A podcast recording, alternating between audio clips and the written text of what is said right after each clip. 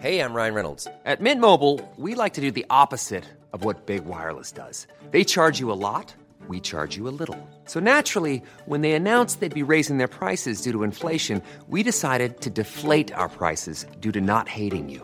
That's right. We're cutting the price of Mint Unlimited from $30 a month to just $15 a month. Give it a try at mintmobile.com slash switch. $45 upfront for three months plus taxes and fees. Promo rate for new customers for limited time. Unlimited more than 40 gigabytes per month. Slows. Full terms at mintmobile.com.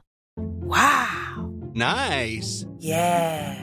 What you're hearing are the sounds of people everywhere putting on Bombas socks, underwear, and t-shirts made from absurdly soft materials that feel like plush clouds. Yeah, that plush. And the best part? For every item you purchase, Bombas donates another to someone facing homelessness. Bombas. Big comfort for everyone. Go to bombas.com slash ACAST and use code ACAST for 20% off your first purchase. That's bombas.com slash ACAST. Code ACAST. There's never been a faster or easier way to start your weight loss journey than with PlushCare. PlushCare accepts most insurance plans and gives you online access to board-certified physicians who can prescribe FDA-approved weight loss medications like Wigovi and Zepbound for those who qualify. Take charge of your health and speak with a board-certified physician about a weight loss plan that's right for you. Get started today at plushcare.com slash weight loss. That's plushcare.com slash weight loss. plushcare.com slash weight loss. A lot can happen in the next three years. Like a chatbot may be your new best friend. But what won't change? Needing health insurance. United Healthcare Tri Term Medical Plans are available for these changing times. Underwritten by Golden Rule Insurance Company, they offer budget friendly, flexible coverage for people who are in between jobs or missed open enrollment. The plans last nearly three years in some states, with access to a nationwide network of doctors and hospitals. So, for whatever tomorrow brings, United Healthcare Tri Term Medical Plans may be for you. Learn more at uh1.com. There's never been a faster or easier way to start your weight loss journey than with PlushCare. PlushCare accepts most insurance plans and gives you online access to board-certified physicians who can prescribe FDA-approved weight loss medications like Wigovi and Zepbound for those who qualify. Take charge of your health and speak with a board-certified physician about a weight loss plan that's right for you. Get started today at plushcare.com slash weight loss. That's plushcare.com slash weight loss. plushcare.com slash weight loss. Hei, og velkommen til Bak scenen. Jeg heter Trond Harald Hansen, og i denne podkastserien skal jeg finne ut hva som skjer på baksiden av norsk showbiz-bransje. Enten det er produsenter, skuespillere eller artister. Og I dagens episode så prater jeg med en som er veldig kjent utenfor Norge, og kanskje spesielt i Asia. Han kommer fra Sigrud, like utenfor Oslo. På 90-tallet begynner han på skolen til Paul McCartney, og siden blir han medlem av gruppa A1. Velkommen bak scenen, her er Christian Ingebrigtsen. Bak scenen med Trond Harald Hansen. Velkommen hit. Tusen takk for det. Det begynner å bli en eh, del år siden du slo gjennom i eh, A1. Ja, tiden flyr. Den gjør det. Men før det, hvordan starta alt sammen? Og hvordan fant du ut at uh, musiker, det er det jeg vil bli? Du, det starta veldig tidlig sånn sett for meg, for jeg har vokst opp eh, i en familie med musikere. Mm. Min pappa er musiker, og eh, det er sikkert noen som kjenner, husker igjen han, Stein Ingebrigtsen fra Treff-serien sammen med Elise Rypdal og Dag Spantell og Gro Anita Schjønn, og de solgte jo utrolig mye plater, faktisk. Pappa har solgt eh, nærmere halvannen millioner album i Norge. Det er jo helt Eh, eventyrlig. og det er ganske utrolig på 70-tallet, når det var fire millioner mennesker her. Eh, og reist rundt eh, både i Sverige og Tyskland. Og, så jeg vokste jo opp med en pappa som var veldig kjent, og som var musiker. Utrolig stolt av han. Jeg husker jeg fikk være med på turné fra jeg var tre år. Uh, sitte i bussen sammen med bandmedlemmene og eh, Jeg pleide å få lov til å sitte bak trommesettet og, og kikke ut på publikum. Og så, så sånn sett så vokste jeg jo opp på scenen på mange måter. Eh, og så har jeg jo en farfar òg som var musiker. Eh, levde, han var fiolinist i eh, Chicago Symfoniorkester i 17 år, på 20- og 30-tallet. Så han var med på den klassiske siden. Så det var det jeg begynte med da jeg var fem-seks år. Så begynte jeg å spille fiolin, eh, og gikk på musikkskole da. Og så ble det eh, Etter hvert så bytta jeg til piano, for det var det jeg hadde mest lyst til å spille. Eh, Så jeg spilte jo klassisk piano da i, eh, i, i over ti år. Før Ja, og så, så tok popen litt over. Ja, så, så det var helt naturlig for meg. Det, det, å, å holde på med musikken det har liksom aldri vært noe, noe annet jeg følte at jeg kunne drive med. Har du lært mye av å ha en far som var eh, populær? Du, du sa at du var med fra du var tre år. Har det vært en veldig fin skole? Absolutt. Man lærer jo mye bare ved å være i nærheten av folk som driver med det man har lyst til å drive med. Eh, og så lærte jeg veldig mye verdifullt i forhold til det å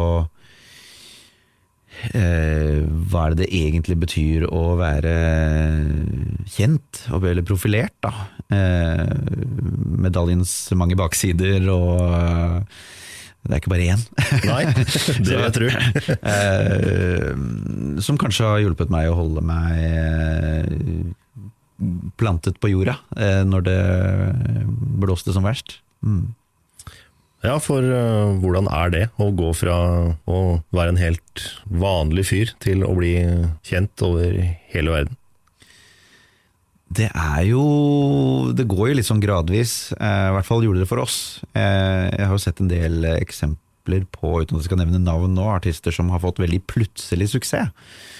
Eh, og, sett på nært hold hvordan det kan forandre personligheter. Jeg tror jeg, vi var veldig heldige jeg har vært veldig heldig både med oppveksten min og men også det at vi jobbet veldig hardt veldig lenge før vi oppnådde den suksessen. Det var en gradvis suksess, liksom. liksom første singelen var eh, riktignok topp ti, men så var det en topp ti til, og så var det en topp fem, og så var det en topp tre, og vi hadde liksom Det var først med det andre albumet vårt at vi var på toppen av hitlistene. Og, så det var liksom en gradvis Vi jobba hardt, vi, mm, men, men, men da vi var der, så er det klart at ting forandrer seg.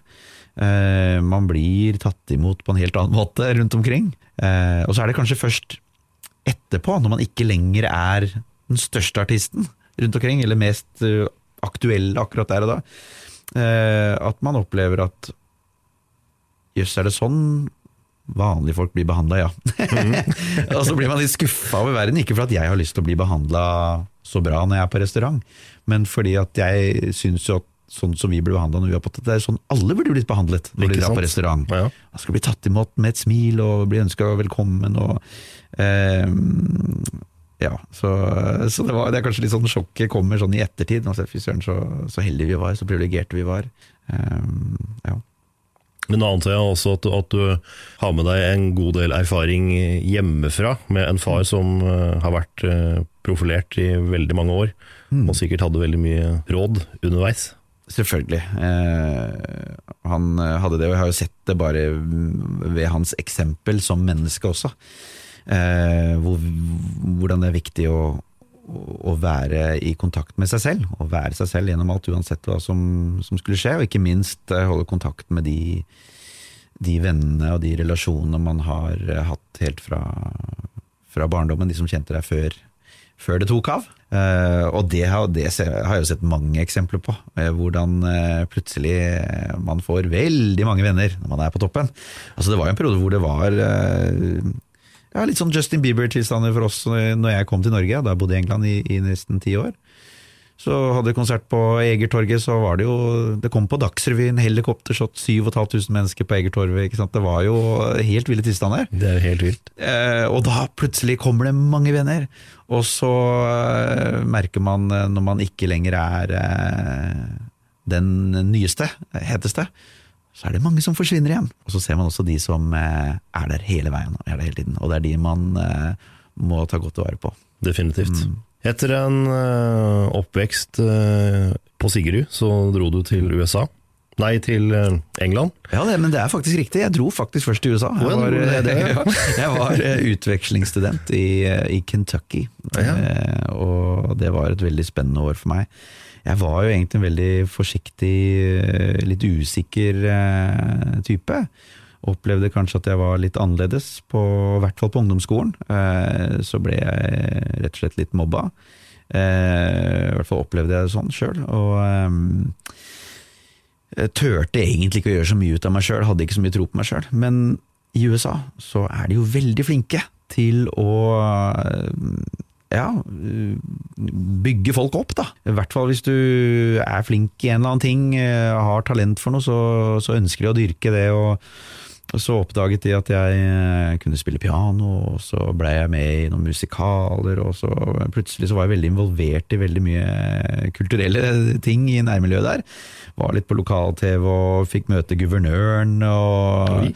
guvernøren av Kentucky mente at uh, You're gonna be a fine ambassador for the state of Kentucky one day, son. Og så fikk jeg ærestittelen Kentucky Colonel, som jeg har lært i ettertid det er veldig gjevt. da. Eh, Folk som eh, altså, eh, Gamle manageren til Elvis Presley ble jo kalt The Colonel fordi han var en Kentucky Colonel. Eh, Colonel Sanders, Kentucky Fried Chicken, var en Kentucky Colonel. Eh, alt fra ja, musikere som Red Skelton og Bing Crosby, og eh, skuespillere som Ja, hva heter han i Pirates of the Caribbean, da?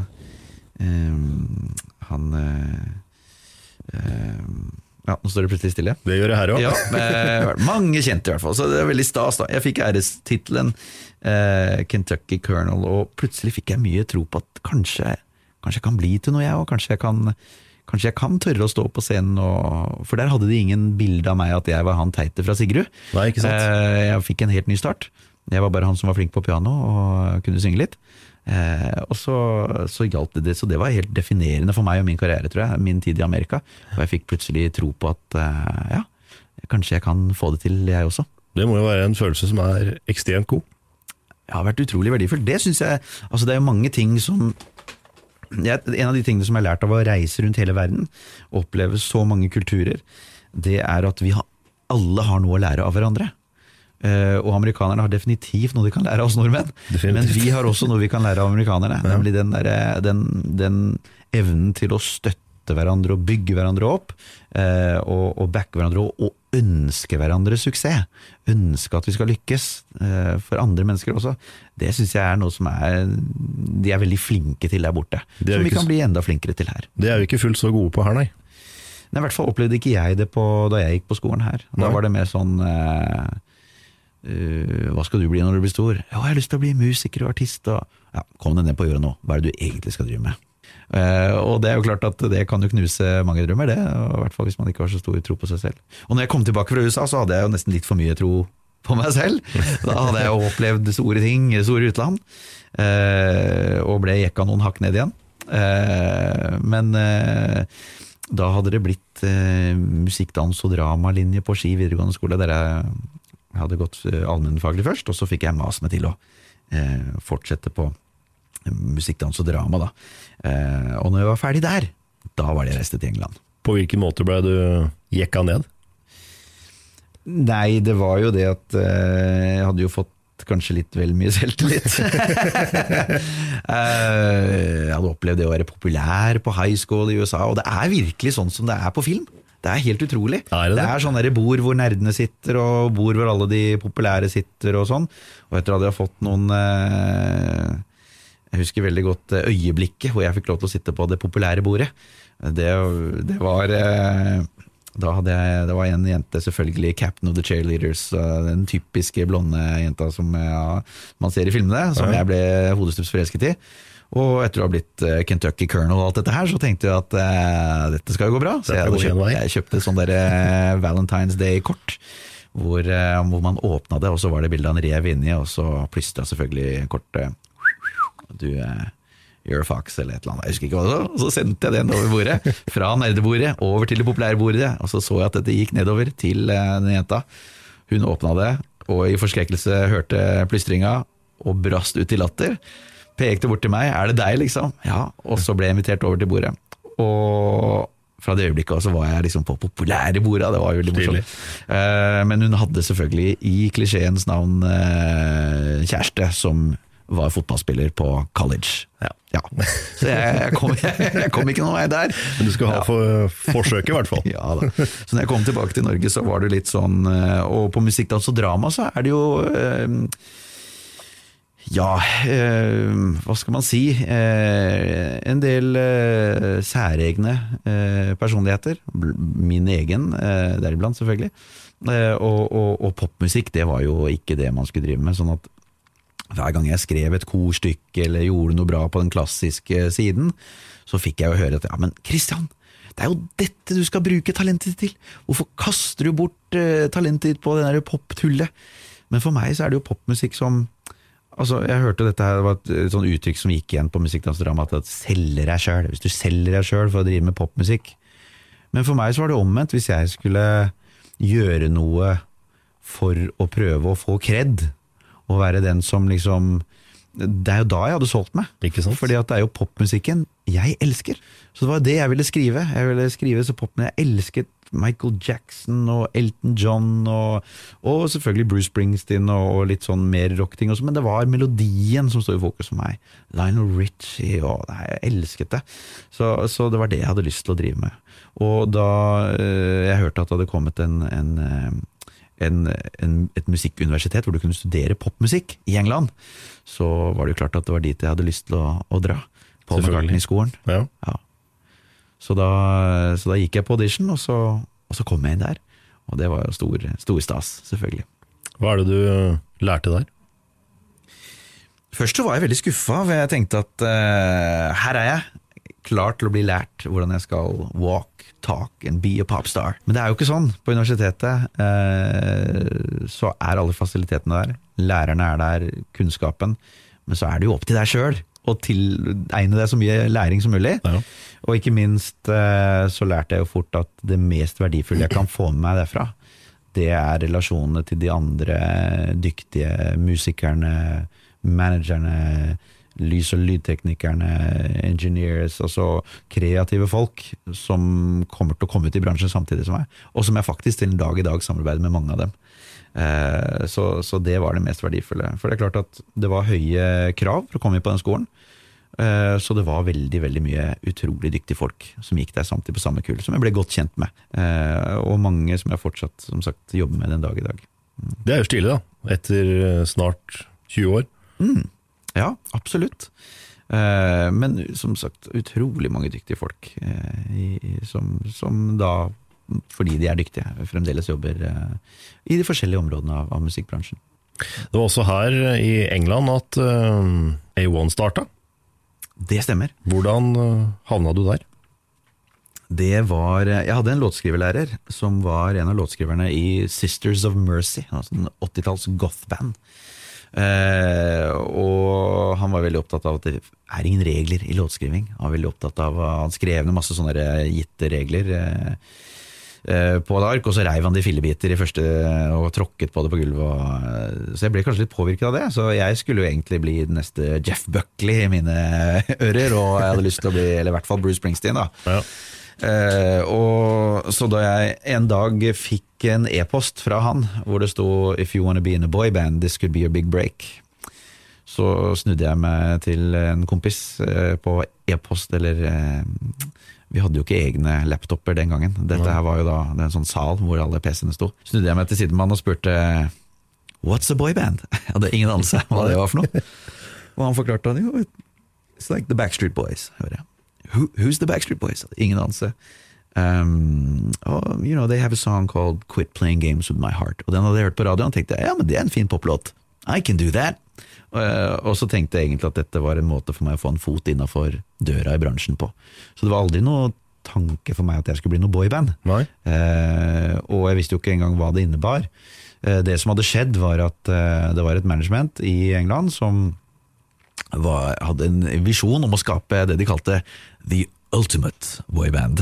Hvor alle istedenfor uh, istedenfor dansere og modeller som lærte seg å synge, så ville de ha låtskrivere og musikere som lærte seg å danse. Ikke sant? Eh, og hadde opprinnelig over 3000 gutter på auditions. Men fant ikke helt det de var ute etter på sånne auditions, så de begynte å lete på, på Performing Arts Schools, da, som denne McCartney-skolen var. Eh, og sånn fant de meg. Eh, og For å gjøre en lang historie kort, så møtte vi egentlig Mark bare i publikum på en konsert hvor vi skulle talentscoute etter andre talenter som var på scenen. Kom i prat med han, eh, inviterte han i studio for å møte meg og, og Paul, som var den eneste som kom ut av de opprinnelige 3000 på audition. Eh, og da sa Mark ja, bare hvis jeg kan ta med kompisen min, og det var Ben. Ja. For Mark og Ben de var allerede en duo, eh, og, og, og det var full klaff. Og da ble vi de, de fire som, som ble A1 etter hvert. Ja. Men selv da så tok det jo, vi holdt jo på i halvannet år og skulle prøve å lære oss å danse og sånn. for det skjønte vi at det måtte vi jo, for det var det alle boyband gjorde. Eh, og det var hardt, hardt arbeid. Og skrev masse låter og, og jobba i halvannet år før vi fikk eh, platekontrakt da, med, med Columbia Records. Dette var, jo, dette var jo en helt egen tid, og eh, liksom Det er jo snart eh, 20 år siden, så det er jo noe man ser tilbake igjen som litt sånn eh, nostalgisk. Men så man da opp til Westlife og de andre som var veldig store akkurat da? Nei, altså vi starta jo samtidig som Westlife, så vi var jo på vår første turné var jo sammen med Westlife. Oh, ja. så, så vi var liksom det store britiske boybandet, mens Westlife var det store irske boybandet. Eh, og helt opp til et visst punkt eh, så var jo vi eh, egentlig like store, eller kanskje større enn Westlife i en del territorier. Eh, sånn som Filippinene og Indonesia og, folke, og Japan og sånn. Eh, eh, men eh, så, sånn at de vi så opp til kanskje av Vi så mer opp til sånne vocal harmony groups. Vi, altså, vi likte Boys to Men og eh, kanskje Take That. Det var jo kanskje den største britiske boybandet som vi kunne se opp til. Ja. Eh, og selvfølgelig Backstreet Boys, og det lærte jeg jo seinere også at eh, Brian Littrell da, fra, fra Backstreet Boys han gikk jo på den samme high schoolen han, som jeg gikk på i Kentucky. Oh, ja. Og vi hadde samme musikklærer. Eh, Og jeg skjønte ikke før i ettertid at eh, jeg kom på at han eh, det koret som jeg sang i, som jeg var med i en del, var med en spesiell sånn barbershop choir der borte, som også hadde en stor innflytelse på de første harmoniene til eh, A1, for jeg, jeg sang en vocal harmony group der borte. Eh, I god barbershop-tradisjon. det koret også var med og sang på et av Backstreet Boys-platene, nettopp fordi at eh, han læreren kommer til meg I'm gonna tell you what I told Brian last year. husker jeg Han sa, og jeg visste jo ikke hvem Brian var da, men You have a future in music. Og, uh, synes jeg var veldig stas da. Eh, Men da skjønte jeg etter det, det var jo, det var jo Brian fra Backstreet Boys. Så, så, vi, så vi så litt, kanskje litt opp til dem. Og etter hvert så møtte vi alle de andre. Vi var jo på turné med, og, og TV-show sammen med NSYNC og, og Boyzone og alle de som hadde starta før oss. Uh, Så, så, men vi var nok ikke så påvirket av dem når det gjaldt musikken vår. Vi var mer opptatt av å, Sånn som Boyzone gjorde jo, og Westlife gjorde jo stort sett eh, coverversjoner av gamle, kjente låter, og mye ballader. Mens vi var opptatt av at vi skulle skrive vår egen musikk. Og det var jo det som skilte oss ut også fra de andre. Var at eh, Helt fra singel nummer én så skrev jo vi låter sjøl, og det var eh, stort sett dansbar opptempo-musikk da, som vi skulle stå for. Så klarte dere vel å slå rekorden til a-ha når dere gjorde en cover av Take On Me? Ja, på andre albumet så var jo managementet opptatt av at vi kanskje skulle gjøre én eh, kjent gammel låt vi også, sånn som Westlife og de andre gjorde. Eh, og da ble det et spørsmål om kanskje vi Ja, hvilken norsk musikk er det som har gjort det bra? Fordi at jeg var norsk, så, så kom vi fram til at det var jo Take On Me med a-ha. Og den, eh, den hadde jo a-ha bare tatt til andreplass på hitlisten i England, mens vi, vi greide å ta den helt til førsteplass. Ja. Så det var jo veldig stas. Det tror jeg nok. Men eh, dere blei jo store over eh, hele verden, kanskje veldig store i Asia. Åssen er det asiatiske publikummet å spille for enn de som er fra Europa? De er jo veldig glad i, eh, i musikk, og veldig glad i popmusikk. Jeg husker veldig godt vi var på en turné. Vi turnerte jo alle 47 prefectures av Japan, altså fylkene på en måte i Japan. Og på en av byene her, så, eller en av de første, så la vi merke til at etter konserten så hadde vi plat, signert litt da, for noen eh, sånn meet and greet, som det heter. Og da kom det først disse unge japanske jentene, og så ble det liksom eldre og eldre etter hvert som køen gikk, og til slutt så var det liksom voksne businessmenn i ja, kanskje 40-årsalderen med stresskoffert, opp med bilde og CD-en og skulle ha signatur, og da var det naturlig å spørre Is this for your daughter? Da, No, it's for me, I'm pop-fan. Og så med den stoltheten og rak rygg, så var det nei, jeg er jo popfan, og det var de stolte av. Ja. Jeg syns det var litt uh, kult. Det, Ja. der, er det, der er man stolt av å like den musikken man liker, og, Ikke sant? Uh, og spesielt popmusikken. Og det ser vi den dag i dag. Vi turnerer fortsatt, Uh, altså nå i oktober, så eh, så er det en ny turné igjen med, med, i Filippinene og, og Singapore, og da kommer det masse, tusenvis av mennesker fortsatt en dag i dag. og Det er kjempegøy. gøy. Ja, det er veldig, veldig stas. Men så er de mer glad i balladene der borte enn opptempolåtene. Og det er litt, så det er litt andre typer låter som Låter som ikke var singler her engang, som var på albumet, som er de store hitene som folk kjenner og, og husker der borte. Hmm. Som vi må huske på å ta med i settlista når vi, når vi spiller der. Ikke sant? Ellers blir det dårlig, dårlig stemning. Ja. Jeg hadde en fantastisk opplevelse en gang. Det var da jeg eh, hadde eh, flyttet ned da fra Lippa fra Liverpool for å være med i bandet. Så hadde jeg blitt påvirket av denne Sisters of Mercy-låtskriverlæreren min, og det var kanskje litt mer eh, arty-farty musikk som jeg skrev. Og jeg fikk streng beskjed om at eh, Christian, du må lære deg pop structure. Og fikk hjemmelekse og sitte og høre på ABBA, og jeg synes det var eh, Jeg ble fryktelig fornærmet, rett og slett. Hvem er disse? Skal lære meg om låtskriving, jeg er kunstneren. Eh, Så det var litt sånn I en protest, et forsøk på en protest, så så skrev jeg på tull den mest poppete av poppelåter jeg kunne tenke meg, som het If You Were My Girlfriend. Eh, og det var altså så eh, Ja, det var, det var det mest cheesy jeg kunne komme på, eh, for å liksom gjøre litt narr av disse som skulle Det var sånn If you would be my girlfriend, then I would be in heaven. Og det var liksom skikkelig cheesy. Og vi lo, alle lo og når jeg sang det, det var liksom bare morsomt. Men plateselskapet frydet seg, klappet i hendene og sa ja, dette er akkurat det vi vil ha. Og vi bare nei, nei, nei, vi måtte krangle for å sørge for at den ikke ble med på. Altså selv for A1, i første albumet, så var dette altfor cheesy. Og vi fikk mast oss til at den ikke ble med på albumet, men at den ble en B-side på en av de første singlene. Spilte den inn i studio, og vi lo jo så vi grein sånn backing-vokaler. Ha. Og vi, vi lå på gulvet i latter og, og hadde virkelig moro med dette her. Og sang den inn én gang og gir ut på B-side, og det, så glemte vi jo den låta. Helt til et par år seinere så er vi eh, i Thailand, i Bangkok, skal gjøre stor utsolgt arenakonsert. Eh, sikkert 20 000 eller 25 000 i publikum, og vi står klar backstage og skal gjøre vår greie. Og så sitter plateselskapet og ser gjennom settlista, for det pleier de å gjøre. Eh, Christian, where is uh, my girlfriend's song? Er det, What song? If you are my girlfriend, it's number one in Thailand! og da var det nummer én, og alle forventa jo den sangen, og den huska jo ikke vi, bandet hadde ikke øvd den inn, så jeg måtte finne fram eh, På den tiden så opererte vi med minidisker, selvfølgelig. Ja, ja, ja. Så jeg satt eh, backstage og hørte på demoen på, på minidisk og prøvde å, å pugge teksten.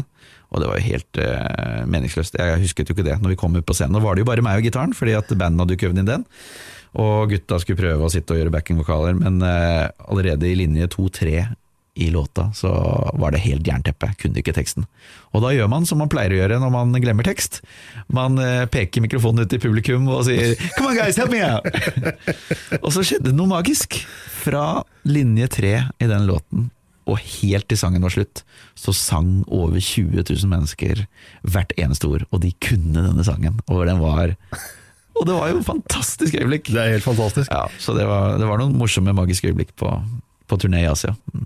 Jeg prata med Trine Rein, og hun sa at, eh, at publikum i Asia de er veldig lyttende. De, er veldig mye, de, altså, de har veldig mye mer fokus enn det man har her. Da. Oppfatter du også det?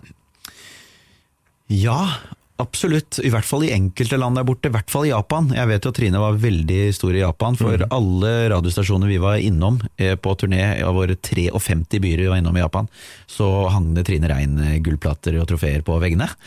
Så eh, hun var veldig stor der borte. Og i Japan så opplever jeg det at der, der kan du be de stå i en kø. Kom igjen folkens, stå i kø. Så var det så sto de i pen og pyttelig kø. Mens i land som Indonesia og Filippinene og sånn, der tok det jo helt av. Der kryper de jo over bodyguardene, og vi hadde måttet ha et busslass av bodyguards med oss. Jeg husker I Filippinene så hadde vi, vi kalte dem The Chicken Men, fordi at de Samtlige av bodyguardene våre hadde vært med i Mr. Universe på et eller annet tidspunkt, og satt med svære bøtter med kylling bak i bussen for å bygge muskler, da, hele tiden. Det har vært tid. da var det stas. Eh, men det var jo også Det gjorde jo også sitt til at det ble litt skummelt, litt farlig. Jeg husker vi gjorde en platesignering i Manila i Filippinene, hvor 25 000 mennesker kom på, til en platebutikk på et kjøpesenter. Og vi kom oss jo ikke inn på kjøpesenteret engang. Det var jo bare det var, det var så mye større enn noen kunne forestille seg at det kom til å bli. Og det resulterte jo også i at da vi var i Jakarta i Indonesia, så eh, skjedde noe veldig tragisk. Nemlig at det ble for mange mennesker og det, på et altfor lite kjøpesenter. Eh, og fire jenter ble rett og slett klemt i hjel. Um, og det var jo helt eh, en forferdelig opplevelse på alle mulige måter. Og da Det gjorde jo også sitt til at vi, vi ønsket å følge tradisjonene i Indonesia i sørgeperiode på tre måneder. Hvor vi bare stoppet alt. Men det gjorde noe med oss også. Vi, det var veldig vanskelig for oss å, å komme over det at selv om vi selvfølgelig hadde jo ikke noe med det at dette skjedde, vi kunne jo ikke noe for det, så kunne vi ikke la være å tenke at hadde ikke vi vært der, så hadde de jentene fortsatt vært i live. Eh, så det stoppet jo alt momentum vi hadde egentlig rundt hele verden, og vi, det var et år før vi kom tilbake med noe musikk. Ja. Eh, så vi gjemte oss egentlig litt bort i studio i lang periode etter det. Mm. Lagde mye der istedenfor? Ja, og det var i denne perioden at Caught in the Middle og det albumet Make It Good-albumet ble til. Eh, vi bare Vi var ikke ute blant folk i det hele tatt. Vi satt i det studio 18 timer i døgnet. Mm. og, og, og, på en måte var vår eh, som det, og gjemte oss litt borti musikkens verden der. Mm. Det blei jo også et album som Det ble jo også et album som slo an veldig bra. Ja, og det er jeg veldig glad for. Og her eh, da på en måte forkastet vi litt av de tingene som ikke var Jeg vet ikke om det satte ting i perspektiv for oss, men vi var opptatt av at vi måtte lage det som var ekte fra oss. Vi hadde jo skrevet sangene, med unntak av Take On Me, helt til dette punktet, men det var jo andre produsenter som satt inn og, og, og lagde det ferdig, sånn som de hørte, og det som var inn der og da. Eh, mens eh, på, på, nå hadde vi kommet til et punkt i karrieren hvor vi var hadde såpass mye innflytelse selv at vi kunne si til plateselskapet at ja, vi, vi, kunne tenke oss å jobbe med dem og dem. Eh, blant annet så jobba vi med en som heter Chris Porter, som eh, hadde produsert alle George Michael-tingene. Jeg var utrolig glad i det Listen Without Prejudice-albumet hans med Freedom 90. og eh, Fikk lov til å jobbe med han eh, på skriveprosessen. Og så fikk vi Mike Hedges til å produsere hele albumet. Og Mike hadde jo produsert eh, masse stort på den tida. Travis, eh, alle albumene deres med Why Does It Always Rain On Me, eh, Manic Street Preachers, eh, U2 Han hadde liksom produsert mye litt sånn mer kredible rockeband. Og han hadde et helt annen vinkling til, eh, til produksjonen av popmusikk, og ville at vi eh, Han ga oss frie tøyler, rett og slett. Det er jeg og Mark som spiller alle instrumentene, bortsett fra trommer. Eh, det er vi som vi fikk god tid til å sitte og gjøre det til, til vårt album. Akkurat sånn dere ville ha det. Ja. Og det førte jo også til at Cotton and Middle har et helt annet uttrykk enn eh, de andre de tidligere låtene, som Same Old Brand New You og, og Take On Me, og som var kanskje litt mer popbasert. Så når vi eh, skulle lanseres i USA, så Cotton Middle ble en, en, en verdenshit. Den gjorde, åpna mange dører for oss rundt omkring i land som Frankrike, hvor vi ikke hadde hatt noen hits ennå, og vi, vi sang den på fransk. No difference. Mm. Eh, og, og, over hele verden. Og, og, til og med i USA så ble den sluppet der, og, og ble en sånn college radio-hit. Og vi turnerte 25 stater og varmet opp for uh, Vanessa Carlton og Michelle Branch og uh, Avril Lavigne, husker jeg, og, og, og, og Def Leppard. Og mye, mye spennende som skjedde den tida der. Det må jo føles kjempebra, det òg. Ja, og så er jeg veldig glad for at det er en av de låtene som vi er husket mest for i dag. For den er jo mer uttrykk for hvem vi var musikalsk også, egentlig. og vi fikk slutt Altså det var det som hadde skjedd rett før at vi begynte å se litt på regningene på ting. Og vi skjønte at det var jo, det var jo vi som betalte for alt sammen. altså Når vi brukte én eller to millioner kroner per musikkvideo, så var det jo til syvende og sist vi som skulle betale for det. Og fant ut at per danserutine Vi har fløy en sånn dansekoreograf fra LA som het Jamie King, som var fantastisk flink. Han hadde gjort dansekoreograf for, ja, han var dansekoreograf for Prince og eh, Justin Timberlake, og han gjorde liksom alle disse her. Eh, men han tok også da 25 000 dollar per danserutine. Eh, og når vi tenkte over alle gitarene og keyboardene som vi kunne kjøpt for de penga, så tenkte vi at nei, vet du hva, nå gjør vi det vi er egentlig flinke på, gutter. Og så driter vi litt i den der dansinga. Spiller vi sjøl også. Spiller vi selv. Og det gjorde jo også sitt til at når vi skulle lanseres i USA, så Og de hadde jo ikke hørt de to første albumene, så i USA så oppfattet de oss ikke helt som et boyband. Så vi ble klassifisert som punk-pop-band. Litt sånn som disse Blink 182 og disse andre nummerbandene, U2 og A1 og sånn. Så det var jo litt stas. Så da ble vi egentlig litt mer et band-band, og det har vi jo vært siden på mange måter. Ja. Mm. Dere fikk jo en, eh, etter det man har inntrykk av, en veldig brå slutt i 2002. Når Ja. A1 la opp. 2003 var det jo egentlig, altså inngangen i 2003. Hva skjedde da? Eh, Det som skjedde var jo at eh, vi hadde jo da blitt store i, Frankrike. Og helt ut av det blå, i hvert fall for oss, så dukket ikke Paul opp på flyplassen på vei til Paris. Vi skulle gjøre et stort TV-show der.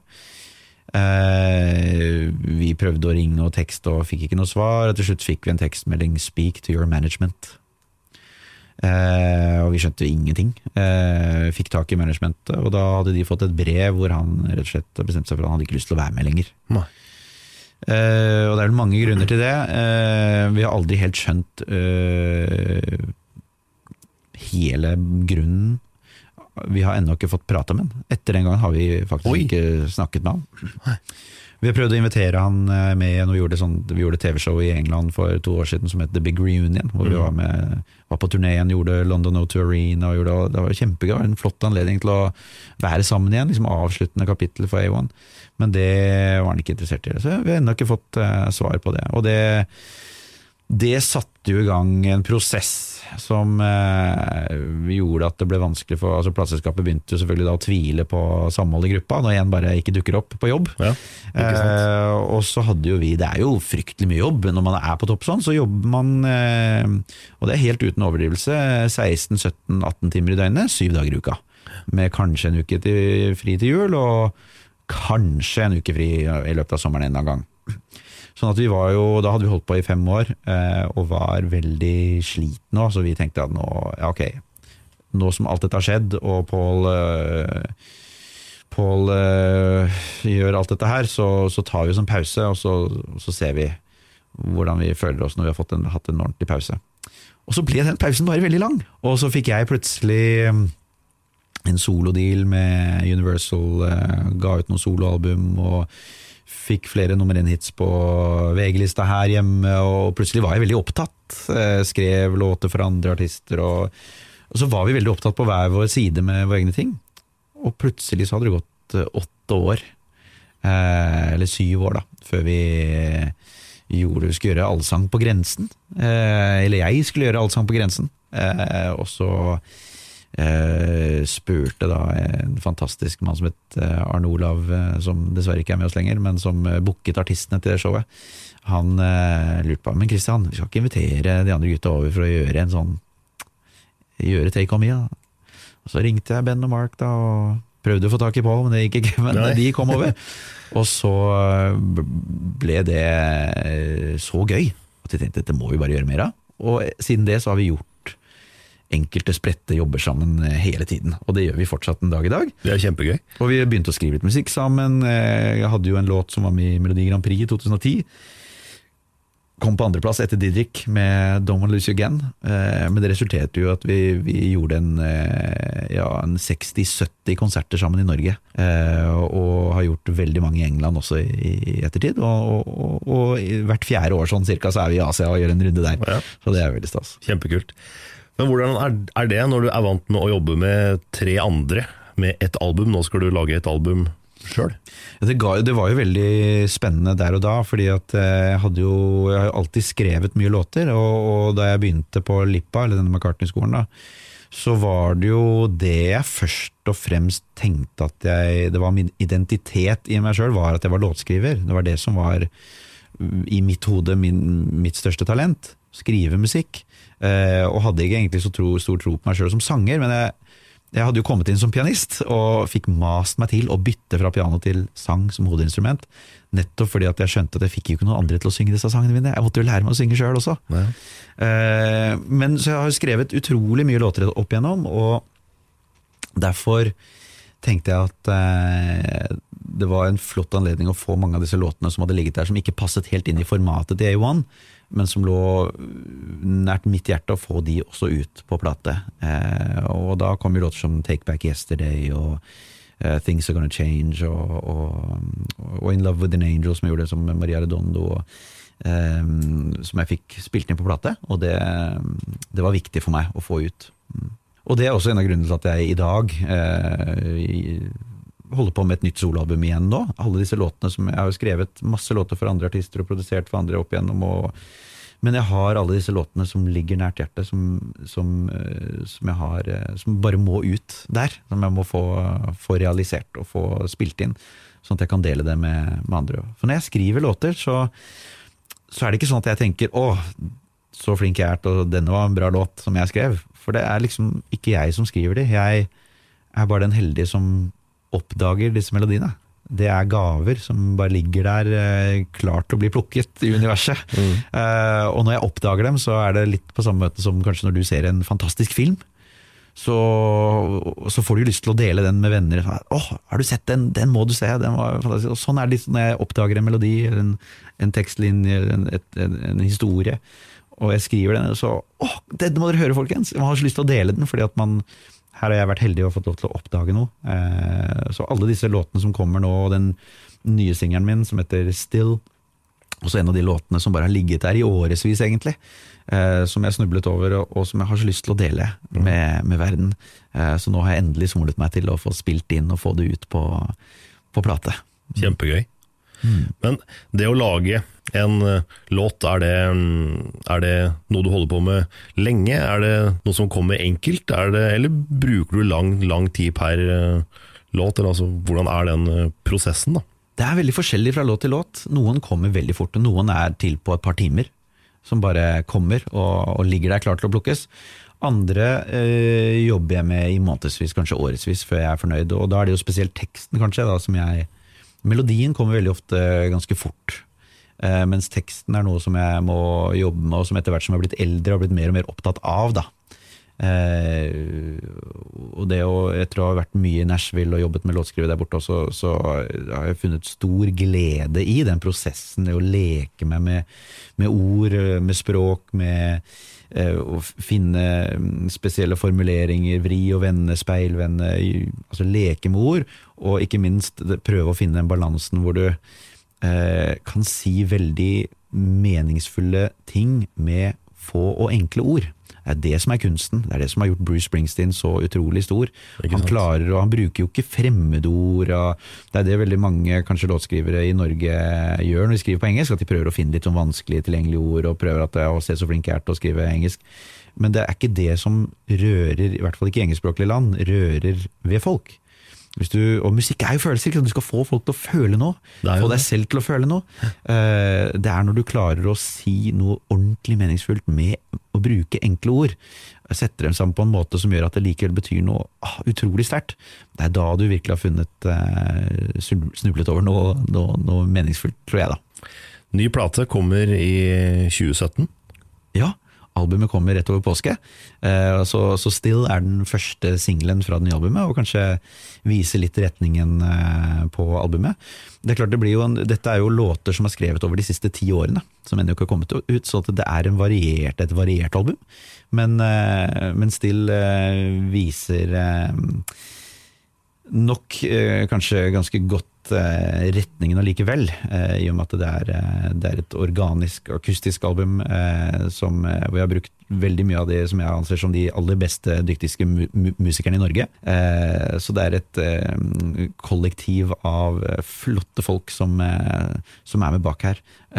og det er kanskje litt sånn Hvis jeg skulle prøve å klassifisere det, så er det kanskje Eh, mange av mine store gamle helter som Billy Joel og Elton John, eh, blanda med litt nyere stil, kanskje Michael Bublé eh, i det landskapet der, da, som ja. jeg prøver. Og kanskje litt Rascal Flats, litt country i det.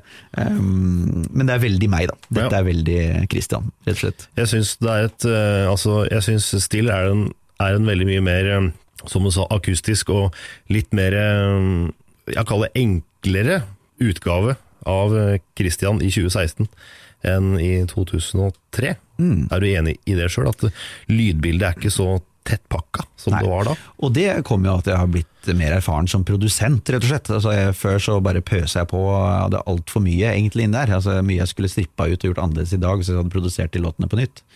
Eh, men, eh, og det er også enklere kanskje eh, på noen måter, men eh, sånn musikalsk, akkordføringsmessig eh, og, og rent, in, rent, musikalsk så er dette mye mer avansert samtidig som jeg prøver å holde balansen med at det allikevel skal være lett for øret. At det skal være noe som man kan høre på uten at det blir for vanskelig tilgjengelig. Da. Mm.